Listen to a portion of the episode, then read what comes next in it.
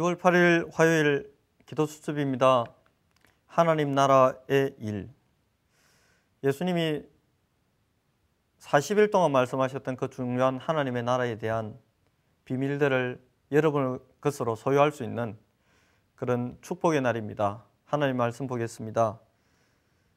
그가 고난 받으신 후에 또한 그들에게 확실한 많은 증거로 친히 살아계심을 나타내사 40일 동안 그들에게 보이시며 하나님의 나라의 일을 말씀하시니라. 아멘. 사도행전 1장 3절은 확실히 많은 증거로 친히 살아계심을 나타내사 40일 동안입니다. 하나님 나라의 일을 말씀하셨다고 되어 있습니다. 예수님께서 마가다락방에 이 중요한 성령의 임재가 있기 전 40일 동안 부활하신 이후에 제자들에게 계속해서 하나님 나라의 일을 말씀하셨습니다. 그만큼 중요하다는 이야기입니다. 그렇다면 오늘 저와 여러분이 이 하나님의 나라라는 이 비밀을 저와 여러분의 것으로 소유하고 누리기 시작한다면 우리는 초대교회 성도들이 받았던 그 응답을 나의 현장에서 그대로 확인하고 얻는 은혜를 회복할 것입니다. 이 중요한 하나님의 나라를 회복하면 모든 사건이 하나님의 나라를 확산시키는 응답의 시작이 될 수 있습니다. 그러므로 저와 여러분이 제대로 영안을 열어 사건, 만남, 일을 보는 이 눈이 열려야 하겠습니다. 하나님의 나라를 누리는 큰 기쁨이 있으면 어떤 문제도 문제가 되지 않습니다. 어떻게 하면 이러한 하나님의 나라를 누리고 또 이 하나님의 나라를 우리의 현장 가운데 이루어 갈 수 있을까요? 첫 번째입니다. 하나님의 시간표입니다. 모든 일, 모든 사람, 모든 사건 속에는 하나님의 절대적인 시간표가 있습니다. 그래서 우리는 어떤 일을 하기 전에, 어떤 일을 실천하기 전에, 계획하기 전에, 계획 세우기 전에 하나님의 시간표를 봐야만 합니다. 모든 일 속에 하나님의 절대 변하지 않을 시간표가 있습니다. 어떤 청년이 저에게 영전 메시지를 좀 자기 아는 동생에게 해달라고 했습니다. 평소 이 친구에게 복음을 말하는데 절대 안 듣는다고 이야기합니다. 오히려 화를 내고 거부한다고 이야기했습니다. 그래서 제가 이 친구에게 이야기했습니다. 네가 해도 안 되는 건 내가 해도 안 된다. 네가 한번 다시 해봐라.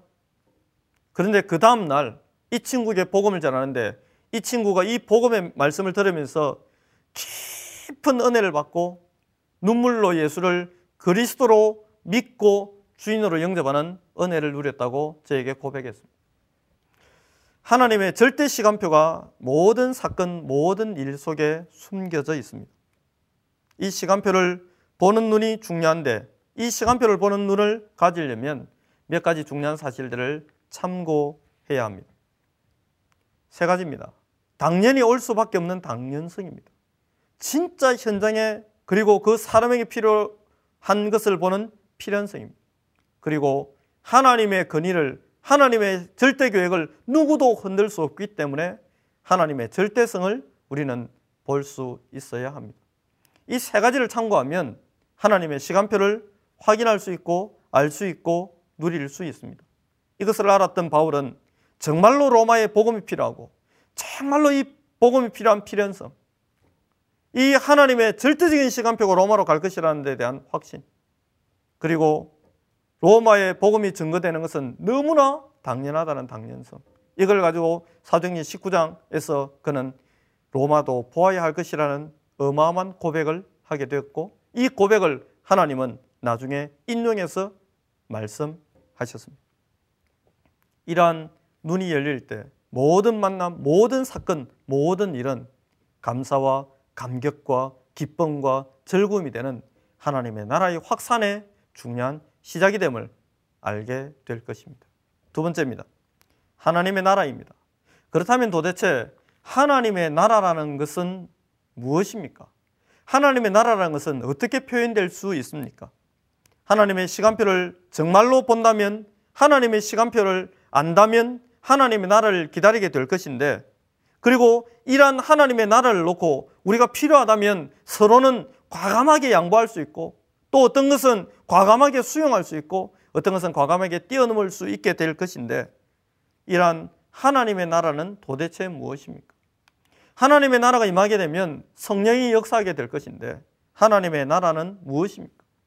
하나님의 나라는 성령의 역사와 하늘 문이 열리며 그 현장에 하늘 군대가 움직이고 천군 천사가 동원되는 것을 하나님의 나라라고 합니다.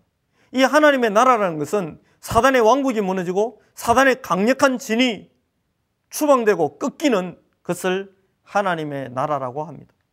하나님의 나라라는 것은 현장에 중요한 변화가 될 수밖에 없는 응답들이 시작되는 것을 보고 하나님의 나라라고 합니다. 이 하나님의 나라는 성령의 역사로 말미암고 성령의 역사로 말미암아 뿌리를 내리고 성령의 인도를 따라 확산되어지게 되어 있습니다. 하나님의 나라가 임할 때 중요한 결론이 나오게 되죠. 이 하나님의 나라가 임할 때 주변의 환경이 전도의 큰 응답으로 문으로 밭으로 변화되는 축복도 얻게 될 것입니다. 그리고 하늘 시민권을 가지고 하늘 나라의 축복을 누릴 수 있도록 해놓으신 하나님 앞에 저와 여러분은 어마어마한 감사를 하게 될 것입니다. 이것을 알았던 바울은 우리의 시민권, 우리의 배경은 하늘이라고 고백했습니다. 세 번째 방법입니다. 우리의 삶에 하나님의 나라가 임해야 하고 또 임할 것인데 어떻게 하면 이 하나님의 나라가 임하게 될까요? 첫 번째는 내게 와 있는 하나님의 나라를 보고 누리는 것입니다. 이미 내게 하나님의 나라가 임해 있습니다. 그것이 성령의 내주입니다. 그것이 성령의 인도이고 그것이 성령의 충만입니다. 이미 하나님의 나라와 나라가 저와 여러분에게 임해 있습니다. 그것이 예수 생명입니다. 이미 저와 여러분에게 하나님의 나라가 임해 있습니다. 그것이 예수 권세입니다. 내가 너희에게 뱀과 정갈을 밟으며 원수의 모든 능력 제어할 권세를 주었다고 성경은 말씀하고 있습니다. 이미 임해 있는 하나님의 나라를 확인하십시오. 그것부터 누리기 시작하십시오. 그것을 여러분의 것으로 철저하게 누리고 소유하십시오. 그렇게 되면 받을 응답이 보이고 이렇게 되면 정말로 내가 무엇을 해야 할지에 대한 답이 나오게 될 것입니다. 오늘의 포럼입니다. 오늘 나와 내 가정, 내 주변에 그 있는 현장에 하나님의 나라가 임하도록 실제로 기도해 보세요. 조급해하지 마십시오. 분명히 하나님의 나라가 임해 있고 또 임할 것입니다. 기도하겠습니다. 하나님, 이 어마어마한 하늘 배경이 나의 배경 되도록 축복해 주신 것 감사드립니다. 다락방 전가족과 사랑하는 렘넌트들이 이 하나님의 나라를 마음껏 누리는 시작이 되도록 오늘을 최고로 복되게 하시고 축복하시고 역사하여 주옵소서. 감사드리며 살아계신 예수님의 이름으로 기도합니다. 아멘.